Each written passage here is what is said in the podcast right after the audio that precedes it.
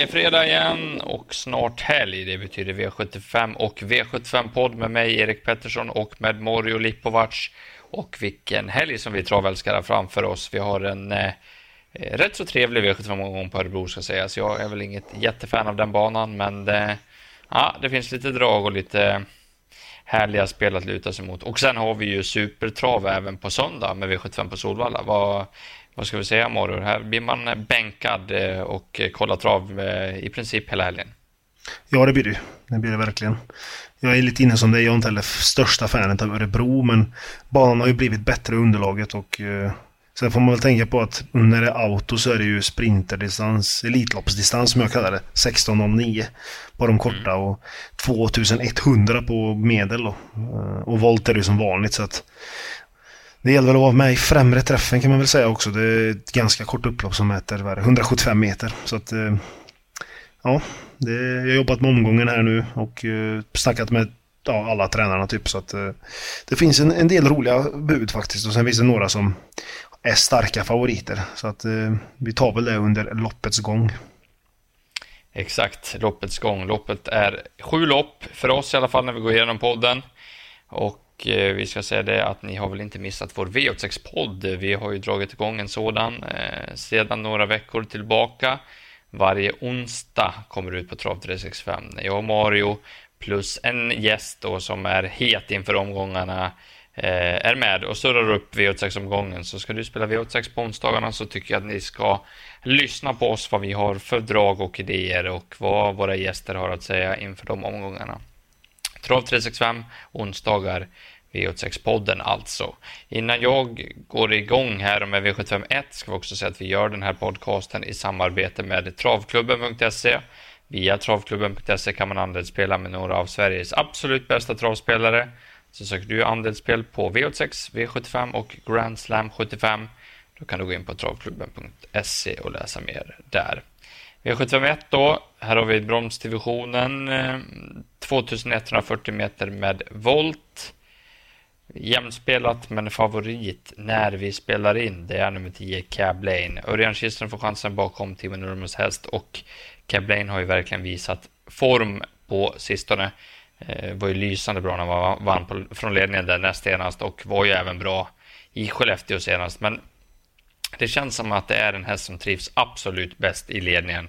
Det är väl där han gör sina absolut bästa lopp och jag tycker även att han har tänt till i biken flera gånger. Så att eh, ingen jag vill kasta mig över som favorit eller knapp favorit utan vill lyfta fram några andra, eh, några andra hästar. Jag kan väl börja med att jag tycker att hela omgångens bästa drag kommer redan här i V751. Jag går på knock och ni kommer förstå vad jag menar när jag säger att det är nummer åtta Ingo som är draget. Det låter väldigt bra på Kristoffer Eriksson. Han kommer tillbaka efter paus.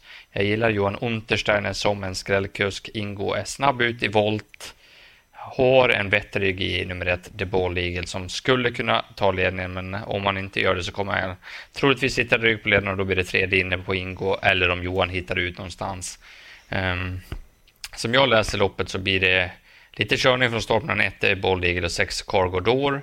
Sen därefter så kommer nog även nummer 7 Victor Lee testas framåt och när det har blivit lugnt sen igen i fältet så kommer väl någon av 10, 11 och 12 gå fram. Och då blir det lite temposkärpning igen. Så det kan bli lite ryckigt kört i hyfsat högt tempo.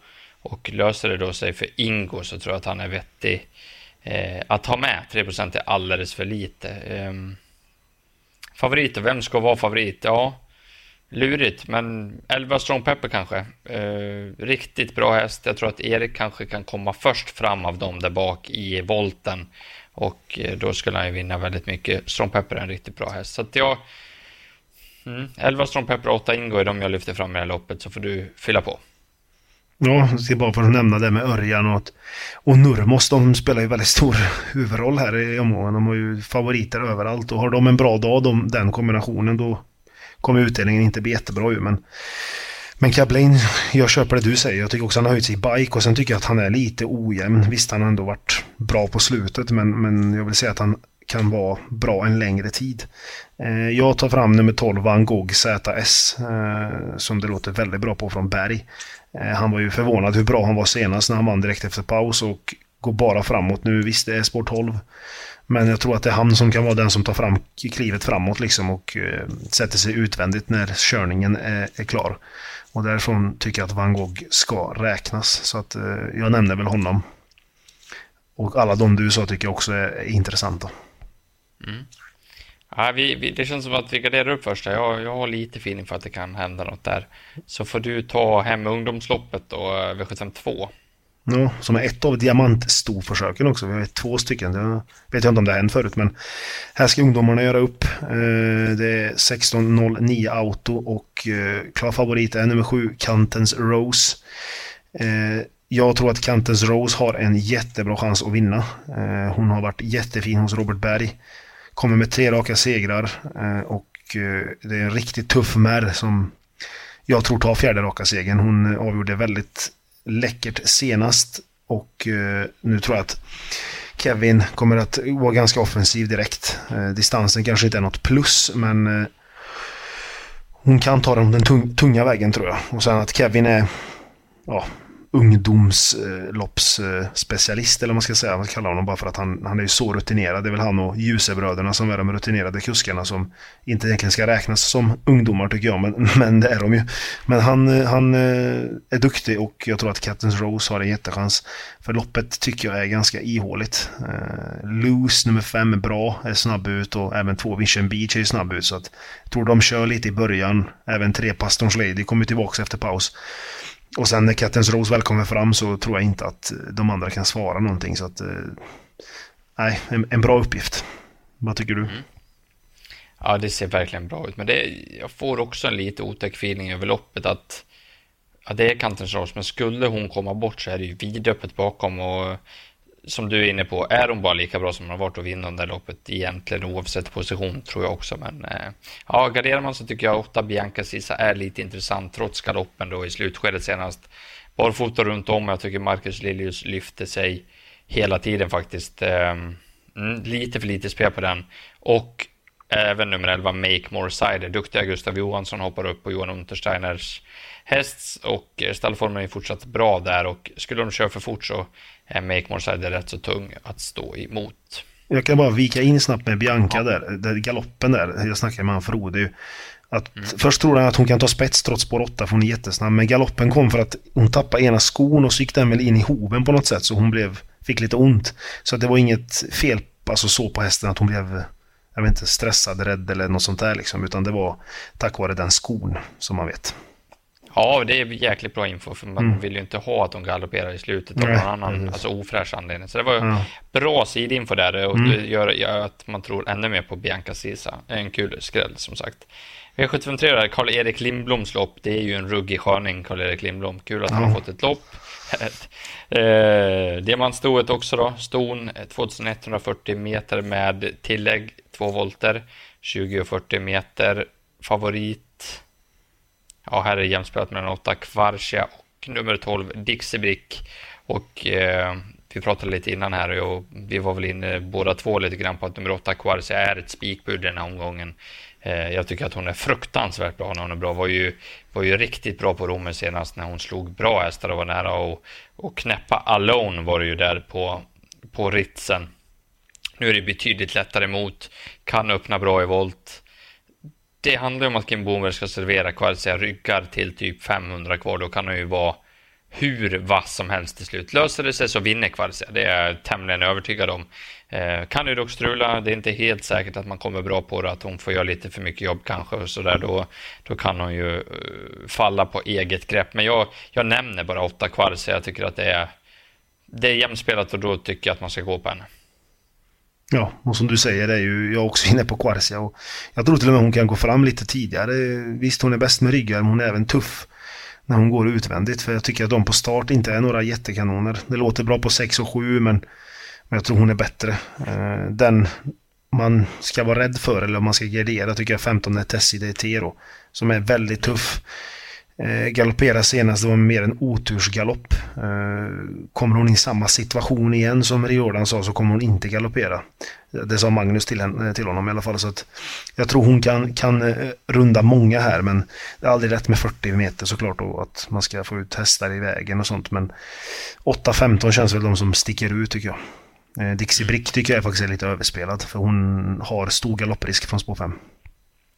Jag så Jorma bakifrån och inte ja. bike nu är vanlig vagn. Så det känns som att hon, hon blir lite overrated och eh, Kvarsa blir lite underspelad som det känns. TCDT har också vunnit på Örebro V75. Det, det är ju fortfarande, även fast det har blivit bättre, en speciell bana så att det kan vara värt att kolla att hästarna har vunnit eller gått bra, okej okay, i alla fall på Örebro tidigare. Då är, det är en fördel. Kvarsa har vunnit på Örebro också kan man väl tillägga.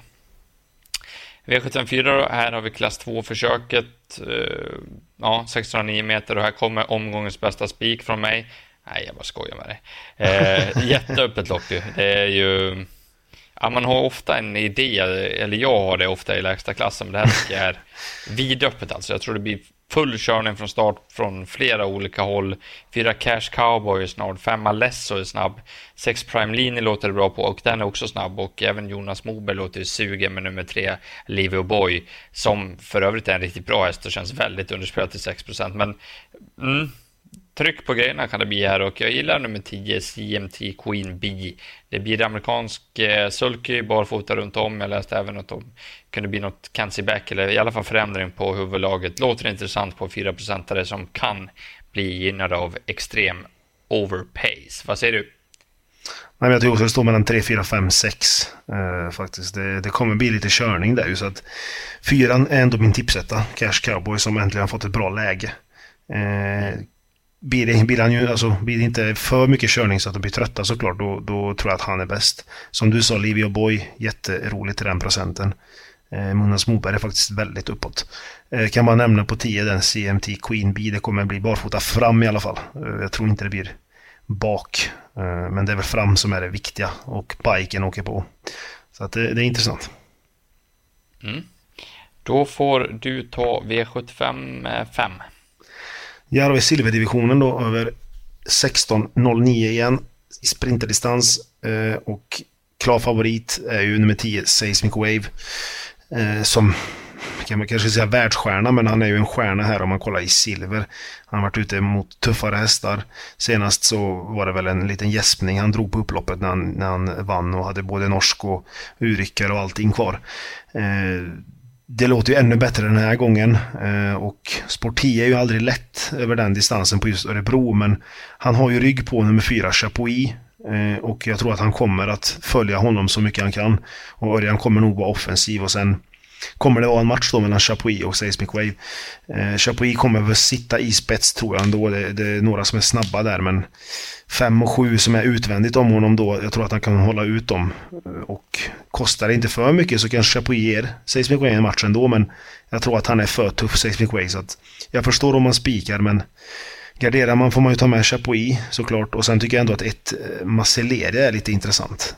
Jag tycker att hästen är bättre än vad, vad raden ser ut att vara och uh, Berg har ju bra snurr på hästarna så att kan den få kanske rygg på ledaren eller något så och de här två kör lite, då kanske det är skrällen. Mm. Ja, jag, jag, tror också det blir rejäl körning från start här. Just att det är 609 gynnar ju ett.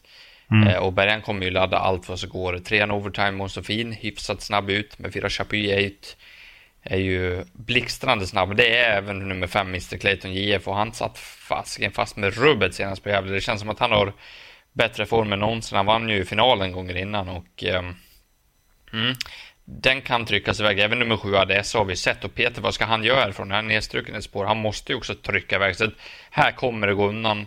Och jag är inne på att Seismic Wave som är, är brutalt startsnabb eh, han också. Han är även bra på att följa rygg. Det är inte så många hästar som eh, är ruggigt bra på att följa rygg, men det är Seismic Wave så att jag tror att Orange som glider igenom här som en eh, varm eh, kniv i smör och sitter väldigt bra på det och då Ja, han kan väl välja om man ska gå på tidigt eller om man ska ta dem till slut. Så Jag tror Seismic Wave är med det löpningsscenariot helt överlägsen i det här loppet.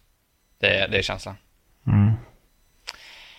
Eh, procenten 55 eh, tycker jag är helt rimlig än så länge. Hoppas inte det skenar iväg och kan väl hoppas att lite speltjänster och så vidare kanske går på, på Chapuis. Vi får, vi får se hur, hur spelet fördelas. Mm. Då får du ta hem eh, långloppet då, V76.